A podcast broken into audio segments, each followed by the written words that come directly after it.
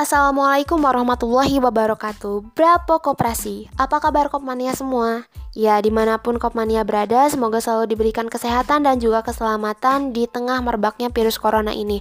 Semoga Allah selalu melindungi kita semua dan juga keluarga kita, amin. Alhamdulillah puji syukur kita panjatkan kehadirat ilahi Robi karena atas rahmatnya lah. Kali ini kita bisa sharing. Meskipun tidak bertatap muka secara langsung Semoga ini tidak mengurangi antusiasme dari Kopmania semua untuk mendengarkan podcast kali ini. Salawat serta salam semoga tetap tercurah limpah ke junjungan kita yakni Habibana wa Nabiyana wa Rasulana Muhammad Sallallahu Alaihi Wasallam. Dan semoga kita semua selalu menjadi umat yang taat pada ajarannya. Amin ya robbal alamin Oke Kopmania semua, hari ini saya Winda Ekawati akan sharing terkait dengan apa itu komisariat. Nah, sebenarnya ngapain sih kita membahas tentang komisariat? Karena Kopmania semua tahu kan kalau Kopma BSUP sedang mengadakan open recruitment kepengurusan komisariat dan GC periode 2020-2021. Artinya di sini penting untuk Kopmania tahu tentang apa itu komisariat dan apa itu GC dan pasti di antara Kopmania semua ada dong yang galau aku mau milih apa ya komisariat atau GC e, sebenarnya bedanya apa sih komisariat dan GC Nah, maka dari itu, di sini saya mencoba untuk sharing terkait dengan apa itu komisariat untuk memberikan pencerahan kepada Kopmania semua. Oke, sekarang bisa siapkan alat tulisnya dan dengarkan dengan baik-baik. Apa sih komisariat itu? Nah, Komisariat Kopma Bumi Siliwangi UPI adalah bagian dari Kopma Bumi Siliwangi UPI yang berada di tingkat fakultas dan berstatus semi otonom. Artinya di sini komisariat itu adalah bagian keorganisasian yang mengurusi uh, keorganisasian Kopma BSUPI di tingkat fakultasnya masing-masing. Sering juga dikatakan bahwa komisariat itu adalah kepanjang tanganannya Kopma BSUPI. Artinya di sini yang membantu keorganisasiannya. Dan kalau misalkan diibaratkan Kopma Bumi Siliwangi UPI itu adalah negara serikat, nah komisariat itu adalah negara-negara bagiannya. Sekarang Kopma BSUPI memiliki tujuh komisariat. Di antaranya EPEB, EPOK, EPTK, EPMIPA, EPBS, EPIPS, dan PIP. Untuk EPSD sendiri sekarang masih bergabung dengan komisariat EPBS. Selanjutnya, untuk struktur kepengurusannya sendiri itu relatif sama dengan Kopma Bumi Siliwangi UPI, ada ketua, sekretaris, bendahara, humas, organisasi, lead bank PSDA, personalia, dan bisnis. Hanya saja ada perbedaan di penyebutan nama. Kalau misalkan di komisariat itu namanya usaha, di Kopma Bumi Siliwangi UPI itu namanya bidang bisnis. Nah, untuk selanjutnya dan selebihnya itu relatif sama dengan Kopma Bumi Siliwangi UPI-nya. Lalu sebenarnya penting gak sih kita mengikuti kepengurusan komisariat? Oh jelas penting sekali karena salah satu syarat untuk melanjutkan ke kepengurusan Kopma Bumi Siliwangi UPI itu adalah telah mengikuti kepengurusan komisariat atau mengabdi di kepengurusan komisariat selama satu tahun. Artinya di sini pasti ada dong dari Kopmania semua yang ingin menjadi pengurus Kopma Bumi Siliwangi UPI. Tapi itu tidak bisa terjadi begitu saja, harus melewati tahapan demi tahapan. Dan salah satu tahapannya itu adalah mengabdi terlebih dahulu di kepengurusan komisariat atau di kepengurusan gugus kooperatif selama satu tahun. Selain itu juga akan mendapatkan poin SHU.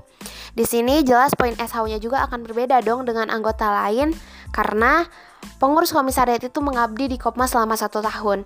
Pasti poinnya juga akan berbeda dengan uh, anggota-anggota lain yang hanya menjadi partisipan di kegiatan Kopma BSUP saja.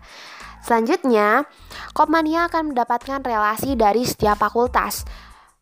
Karena kerennya Kopma BSUP itu kita bisa mempertemukan Kopmania semua dengan anggota-anggota di berbagai fakultas yang berbeda. Jadi Kopmania gak akan monoton-monoton amat, hanya mengobrol atau uh, berteman dengan teman-teman di fakultasnya masing-masing. Tapi lebih dari itu, kita bisa menjalin relasi dengan berbagai fakultas. Selanjutnya, Kopmania juga akan mendapatkan pengalaman organisasi. Untuk pengalaman organisasi kan bisa didapat dari organisasi mana pun, tapi bedanya Kopma Bumi Siwangi UPI itu memberikan pengalaman bukan hanya di ranah organisasi saja, Lebih dari itu, Kopma BSUP adalah UKM yang khas karena selain e, bergerak di ranah organisasi juga bergerak di ranah bisnis. Jadi, Kopmania semua akan mendapatkan juga pengalaman di ranah bisnisnya. Seperti itu. Nah, udah tahu kan ya pentingnya menjadi pengurus komisariat? Maka dari itu tunggu apa lagi? Langsung saja tag tanggal-tanggal pendaftarannya. Selanjutnya itu adalah apa sih fungsi dan peran komisariat. Nah, di sini ada enam fungsi dan peran komisariat, yaitu yang pertama, sarana pengenalan koperasi kepada anggota komisariat Kopma Bumi Siliwangi UPI pada khususnya dan mahasiswa fakultas pada umumnya. Dua, koordinator perekrutan anggota di fakultasnya masing-masing. Yang ketiga, salah satu tahap pengadaran keanggotaan di Kopma Bumi Siliwangi UPI. Yang keempat, sarana kaderisasi anggota Kopma Bumi Siliwangi UPI. Yang kelima, sarana kegiatan organisasi di komisariat masing-masing. Dan yang keenam adalah penampung aspirasi anggota untuk disampaikan kepada kepengurusan Kopma Bumi Siliwangi UPI.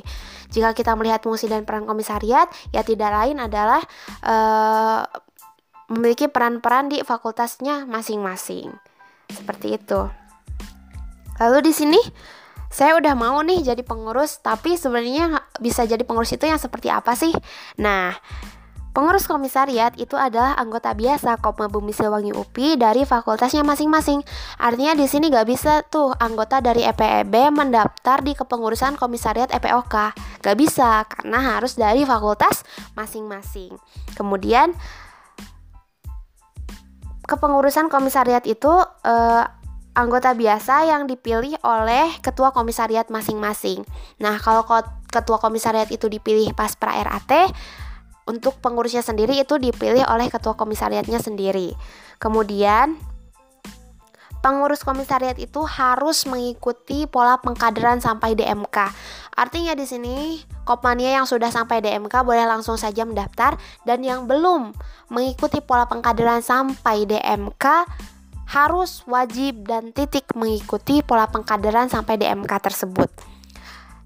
Selanjutnya di sini juga e, tertera bahwasannya pengurus komisariat itu e, paling sedikit dan paling minimal itu terdiri dari tiga orang, yaitu yang pertama ketua, yang kedua itu sekretaris komisariat dan yang ketiga itu bendahara komisariat. Ini adalah struktur kepengurusan komisariat paling minimal.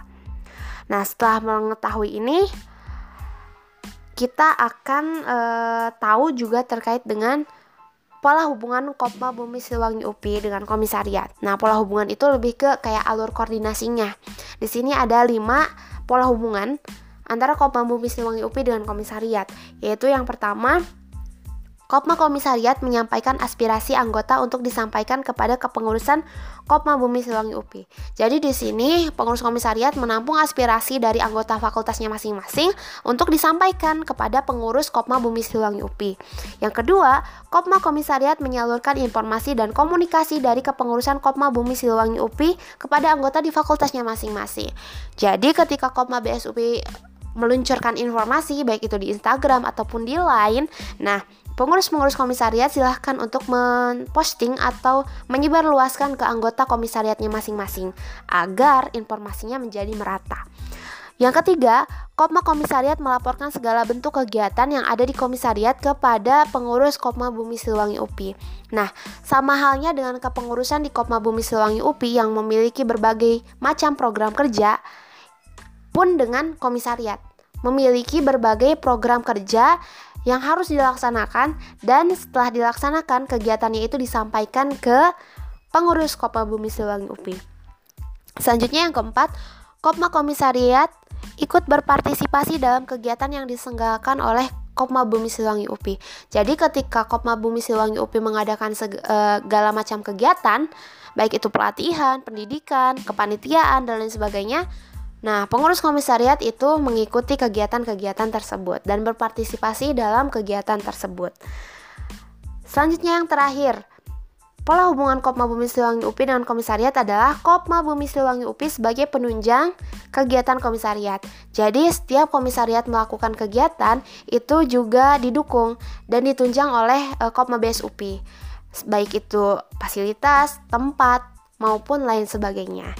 Nah, Itulah terkait dengan apa itu komisariat. Sekarang sudah tahu kan dan sudah jelas apa itu komisariat sebenarnya. Maka dari itu tunggu apa lagi sehingga uh, Kopmania semua masih mikir-mikir panjang daftar gak ya, daftar gak ya. Langsung saja daftar menjadi pengurus di komisariat masing-masing. Ditunggu pendaftarannya dan sampai jumpa. Berapa koperasi? Wassalamualaikum warahmatullahi wabarakatuh.